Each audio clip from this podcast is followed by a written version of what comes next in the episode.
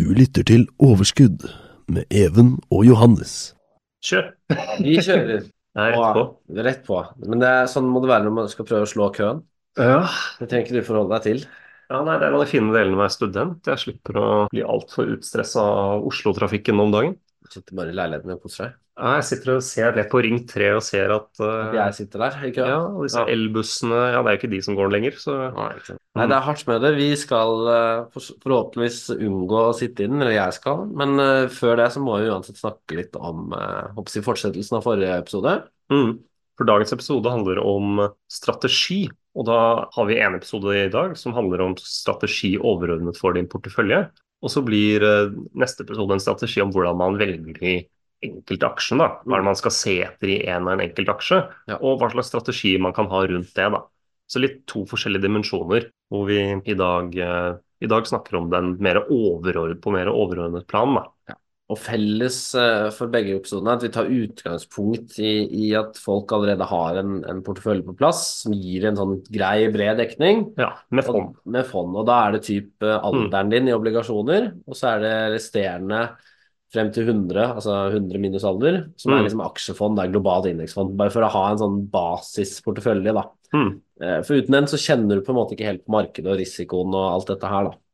Så, så dette er på en måte enkeltaksjedelen vi snakker om. Hvordan man går fram for å gjøre dette på en si, på forsvarlig måte. Ja. Og jeg må jo si innledningsvis, når man går fra å være en investor som aldri har kjøpt en aksje før, Bare eid fond. ja, bare eid sparekonto, for den saks skyld. mm, og begynner å kjøpe da tre, fire, fem aksjer kanskje. Hvis man ser på det å kjøpe da fem aksjer eller fire aksjer risikojustert, så gir egentlig ikke det da isolert sett så mye mening fra et risikoperspektiv. Det, det, du tar ganske høy risiko, du er ikke godt uh, diversifisert. Men det er nok helt greit som en start. Mm. Og så lenge beløpene ikke er forholdsmessig store til å begynne med. For det tar tid å sette opp en portefølje med 10-15 aksjer, som kanskje er et mer et fint tall å sikte på på lang sikt. Men til å begynne med så, så blir jo da gjerne kutasjen også et problem. Og det å hele tatt finne gode aksjer Man må gjerne bruke litt tid på å finne alle, alle 15, så ikke bare velge et eller annet intuitivt, eh, en liste som man hører, hører fra noen, men faktisk forstå selskapene man velger relativt godt. da. Absolutt.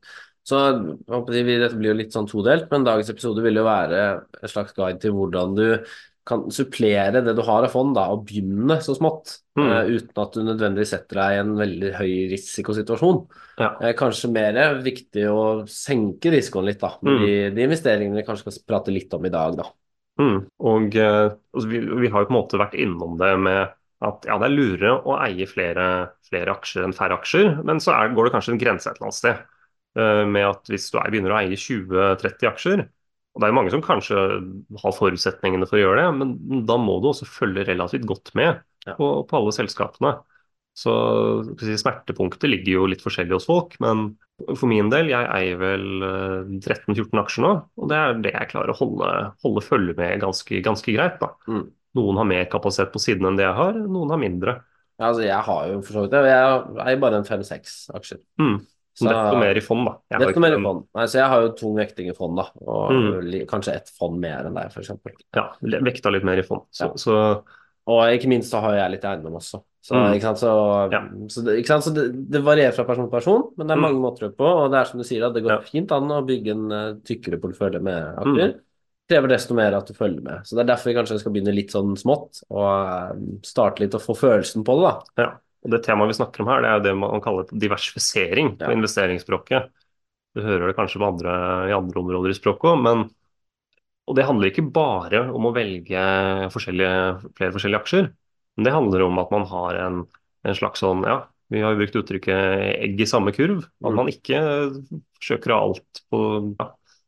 Eier du bare oljeaksjer, så, så ikke bli overrasket om din, din avkastning svinger ganske jevnt med oljeprisen. Akkurat det. Det, det burde du nesten forvente. Og, Mm. og en fin måte å se på det på, vi bor jo i Norge, og Mm. eh, et globalt indeksfond, ja det heter globalt, men Mm. det er jo ikke til å stikke under stol at det er veldig dominert av amerikanske aksjer. Ja, 40% gjerne er vektingen i de fleste globale indeksfond mot USA. Og sånn sett så vil en enkel måte i forbindelse med episoden da være å kanskje investere i noen norske aksjer, gode norske aksjer, for å få, få litt eh, dekning der, da. Mm. Et annet eksempel vil jo kunne være ytterligere grønne investeringer, hvis man er veldig opptatt av dette her. Mm. Det høres ut som jeg sa veldig med, med tung, tung uttale, men, men, men, hvis man ønsker tyngre vekting her, så er det også en mulighet for diversifisering. da. Mm. Det er jo alt mulig man kan se på da, om, når man diversifiserer. Man kan se på ja, selskapenes sektor, selskapets størrelse. For det er en del sånn korrelasjoner mellom at store selskaper gjerne går ganske likt i markedet. Små Mm. selskaper beveger seg gjerne kanskje litt mer selvstendig. Mm. Uh, og så har man enkelte sektorer som er mer sykliske, og, mer, og enkelte som er mer stabile og kanskje defensive aksjer, kaller man det gjerne. da, Når det er se- eh, type aksjer sånn som matprodusenter som, uh, som er relativt stabile og man trenger til enhver tid. da. Ja. Så har man mer skal vi si, kall det ikke-defensive aksjer, eh, som, som bærer mer risiko, som har mer kanskje oppstartspreg. Så det er nok lurt å uansett ikke velge alt av samme type, og prøve å ha, ha en god variasjon på alle Hylle- mulige måter. da. Ja. Fylle litt hull, da, hvis Mm. man uh, merker at man har det. Men det er klart, har du et globalt indeksfond og, og obligasjonsfond, så har du jo ganske god dekning. Mm. Uh, men som sagt, det vil være ganske mange eh, hull, og små selskaper er typen sånn sektor som er uh, lett å glemme, da. Mm. Å fylle på med. Ikke minst har Norge noen sære sektorer også, som Ja. laks og sånn. Laks, shipping, det er Ja, mye som er ganske skal vi si, har lite korrelasjon med resten av verdensmarkedet. Da. Særlig shipping er jo en liten sånn joker som kan som i hvert fall har gått veldig mye nå siste tiden. Og andre tider, så når det går bra, så går det ikke så bra shipping. Så det er litt sånn Så første episoden her er egentlig bare å finne disse smutthullene da, i porteføljen, og så kanskje passe inn, finne en aksje som passer inn der. mm. Eh, Så jeg vet ikke, Har du noen konkrete eksempler, spør jeg kanskje litt godt, men har du noen konkrete eksempler på noe hvor du har tenkt det, og kjøpt en aksje deretter? Eh, ja, jeg, jeg har jo på en måte hatt mye i tech. Og si, ikke sånn fryktelig mye, men kanskje da 50-40% av aksjene mine har veldig sånn tech-relatert uh, mer, og noen mer risikofylt enn andre. Mm. Så jeg har ikke egentlig hatt noen, sånn et konkret valg for å veie opp for det, men, men hatt liksom litt sånn sikre industri. Jeg har kjøpt litt Yara Mm. for å på en måte være sånn på helt andre siden, et eller annet veldig sånn defensivt. Og, og de, de produserer jo gjødsel, Mm. så, så, og det er en type, type produkt som er veldig sånn i, ja, i tråd med matproduksjon, da. Da er det et sånt veldig aktuelt produkt. Så Mm. betaler mye utbytte, med, mens mange av de andre vekstselskapene og mer tech-selskapene gjør jo ikke det, da. Nei. Så, så, så en balanse av det har på en måte vært eh, noe av mitt, eh, min overordnede strategi. At jeg har litt i tech, men også litt sånn forsiktige og sikre aksjer. Mm. Så her er det bare å, se på hva investeringsformålet er. For eh, vi investerer jo, og det, det er grunnen til at vi lager disse episodene her, er jo fordi vi skal prøve å gi, eh, gi tips til hvordan man kan slå markedet. Og som vi tidligere har presisert, fryktelig vanskelig oppgave. Mm. Fryktelig få som klarer dette på lang tid, og det, over lang tid. Men som sagt, det er jo to måter å slå markedet på. Det ene er jo faktisk eh, å bare få høyere avkastning. Det andre er jo å ha mindre svingning enn markedet. Mm. Ha mindre risiko i porteføljen. Så det er jo to måter å gjøre det på, da. Mm. Uh, og den uh, håper å si, sistnevnte metoden vil jo være ganske sånn uh, grei å få til i forhold, da. For det kan være veldig vanskelig å finne eh, selskaper som gjør det bedre enn markedet. For det Mm. skal jo litt til da, på sikt, da. Ja, og det er ikke bare å finne dem som gjør det bedre, men du må på en måte ja, skal si, Til en viss grad så er det et element av timing her. da. Det at man må ikke kjøpe dem på topp. Eh, Du kan ta Microsoft for eksempel. da. Mm. Har jo blitt lenge ansett som vinneren i, eh, og kanskje særlig i AI nå som har vært siste året. Men uh, under dotcom da, i to, tidlig 2000 så, så var Microsoft priset skyhøyt allerede i ja, 1999. Og hadde man kjøpt i nærheten av toppen der, så hadde man også unngått øh, å få avkastning på det er vel nærmere tolv år til de passerte den toppen igjen. Mm. Ti-tolv år. Og øh, litt, av, litt av problemet blir jo da at ja, selv om du fant en aksje som ble vinneren på .com, og vinneren av internett og hele infrastrukturen øh, som internett består av, Mm. så, så ville du ikke tjent penger hvis du hadde kjøpt på feil tidspunkt. Um, så, så det er litt det der med hvordan unngår man en dårlig timing? For, for å time helt perfekt er jo tilnærmet umulig. Men et viktig moment for å på en måte redusere risikoen er liksom unngå dårlig timing. Mm. Det, det kan man spare mye på. En lett måte å gjøre det på er jo å kjøpe seg gradvis inn Mm. over tid. Og det har, Ja. ha, da kommer vi tilbake til dette med horisont, da. Mm. Vite hvor lenge du skal ha den. Og vi, nok en gang så er vi jo forkjempere for langsiktige. Mm. Og det gjør jo alt lettere. Jo lengre horisont du har, eh, jo større sjanser har du. Mm. Eh, Og jo lettere er det å fase seg inn i aksjen. Da trenger du ikke tenke på denne Mm. timingen. Fordi det med timing kan være utrolig gøy å få til, Mm. og veldig lønnsomt, men det er som du sier, veldig vanskelig. Ja, og vi, som vi også har sagt, da, vi er jo kvalitetsinvestorer. Eh, Det er jo den, måte, den læren vi har lyst til å fremme.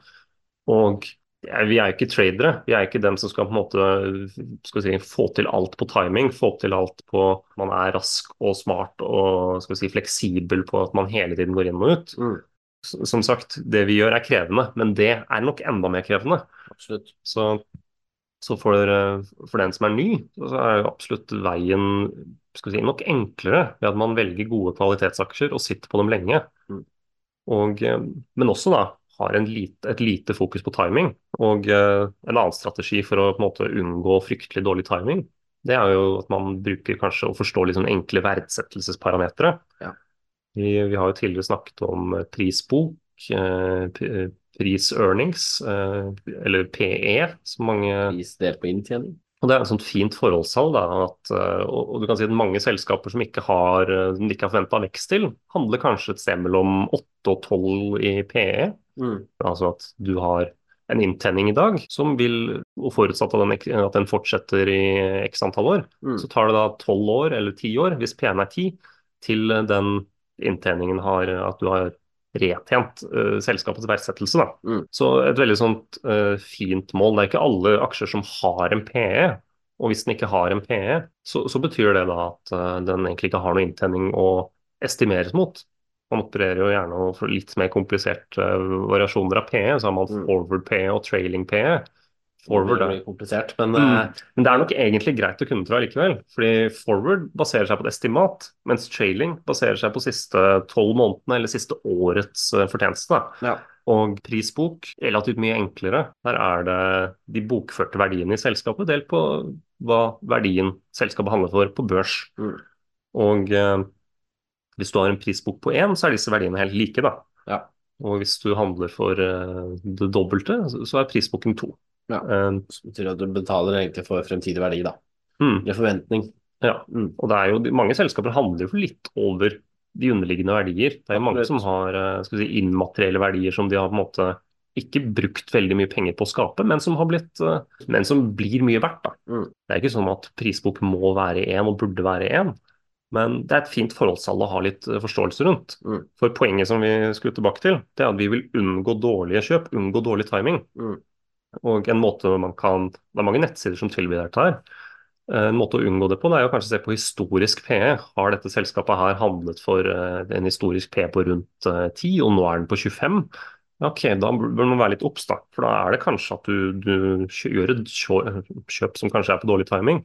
Så er det jo selvfølgelig forutsetninger som gjør at det kanskje kan være et legitimt kjøp allikevel, men det, det er litt sånn Jo høyere P-en er, jo, jo mer Jo vanskeligere er det på en måte å vite om du gjør noe riktig, da. Eller jo vanskeligere er det å vite om eh, mm, dette er et resultat av litt hype, eller om det er reelt, Mm. eller hva som Ja. skjer, da.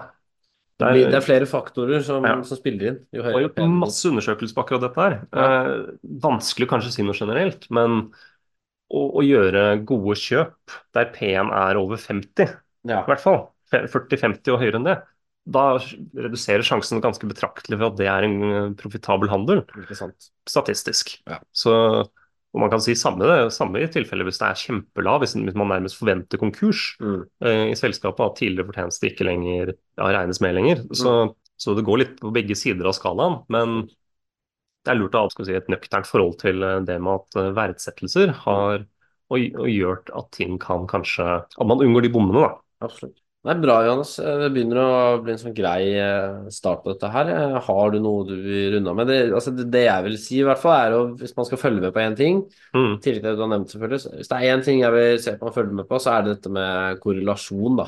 mm, Pass for at det du eventuelt kjøper, at det ikke minst er en kvalitetsaksje, mm, men at det også ikke følger den øvrige porteføljen, da, eller det globale markedet. mm. For hele poenget er jo at du vil ha noe som kanskje dekker et hull som du ellers ville hatt, da.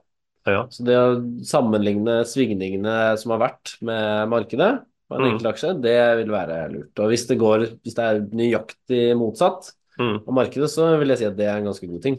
Ja, i hvert fall man har noen av disse motvektene. Ja, For da får du den her, eh, skal vi si, en lavere risiko.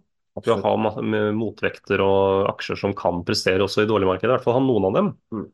Og da gull er jo en sånn typisk ting, det er jo ikke en aksje, men det er en sånn Mm. ting som, som Mm. eh, i perioder i hvert fall har gjort dette, beveget Ja. seg stødig når andre ting ikke har gjort det. Mm. Og Warren Buffett å, han har ikke kjøpt direkte gull, men han har kjøpt enkelte gullaksjer i tider hvor dette har vært eh, det er, det er kanskje litt mer sånn trade-lignende idé fra, fra Buffett, da. Ja. Men, Men det er et eksempel på hvordan Mm. du kan gjøre det. ja. Men for så vidt uansett, ha gjerne et lengre horisont på, på de type justeringene og valgene du gjør. Det kommer jo tilbake i neste episode, man, hva man skal se etter i den konkrete aksjen man eh, Kanskje se dette markedet som vi er så opptatt av. mm. Men ja, Um, langsiktighet, kvalitet, eh, Og en god risikospredning. ja, mindre korrelasjon. Mm. Det er vel egentlig det jeg Så det er noen elementer man må, må tenke på når man skal bygge opp sin portefølje over tid. Og eh, også dette her som du jeg vil også understreke og gjenta, det Mm. at man eh, dollar cost averaging i Mm. de enkelte aksjene man velger. At man ja, redusere risikoen for at man, eh, for at man har gjort et dårlig kjøp. Gikk du inn med alt i den ene aksjen med en gang, så, så er sjansen eh, litt grann større for at du eh, har brent deg på en, på en dårlig timing. Mm. Og jeg har jo også en sånn teknikk hvor jeg i min portefølje bruker ja, kjøper litt mer i de som går dårlig, så lenge det, så lenge det ikke går dårlig pga. at case har endra seg. mm. Men jeg tar også gjerne og selger litt grann av vinnerne, og bytter om til de, de som på en måte har gått litt ned. da. Mm. Gitt at du ikke har endret noe mening om Ja. de da. Mm. Så jeg prøver jo på en måte å holde det slik at jeg ikke har mer enn 15% i en, en og en aksje. Går litt over iblant. Jeg er ikke, jeg er ikke sånn som eh, Jeg forvalter jo ikke penger etter vilkår, jeg er som en, som en fondsforvalter. Så det er, ikke, det er ikke krise, men det er mer sånn fra et risikoperspektiv at jeg ønsker ikke å ha for mye eksponering til en enkelt aksje si, eh, et enkelt selskap på et tidspunkt. Men det er spennende. Det er en Mm. kul, uh, kul måte å avslutte på. Vi skal gå litt mer inn på akkurat dette med hvorfor du sitter med en aksje, hvorfor du går inn i den in first place, og hvordan den kanskje kan slå markedet. Uh -huh. uh, hvordan du finner disse placene da, som man kanskje hører. Altså, Ja. spill- ja. Og eh, ja, som sagt, vi kommer jo til å fokusere på kvalitet. Det finnes mange andre tilnærminger, mange andre som på en måte skal ja, si, trade seg til å slå markedet eller sånn. Mm. Kommer vi til å fokusere litt mindre på. Ja. Men vi kommer til å nevne noen eh, si, mer aggressive strategier, og kanskje hvorfor det ikke lønner seg for en nybegynner. da. absolutt. For en mer erfaren, så, så, så kan jo det være noe man kan vurdere. Men dette er jo en serie som vi lager for eh, en som er relativt ny, Mm. og hvordan man kan på en måte tilnærme seg si, kvalitetsinvestering. Mm. Fas- Fase seg inn i både en enkelt aksje og aksjeinvestering.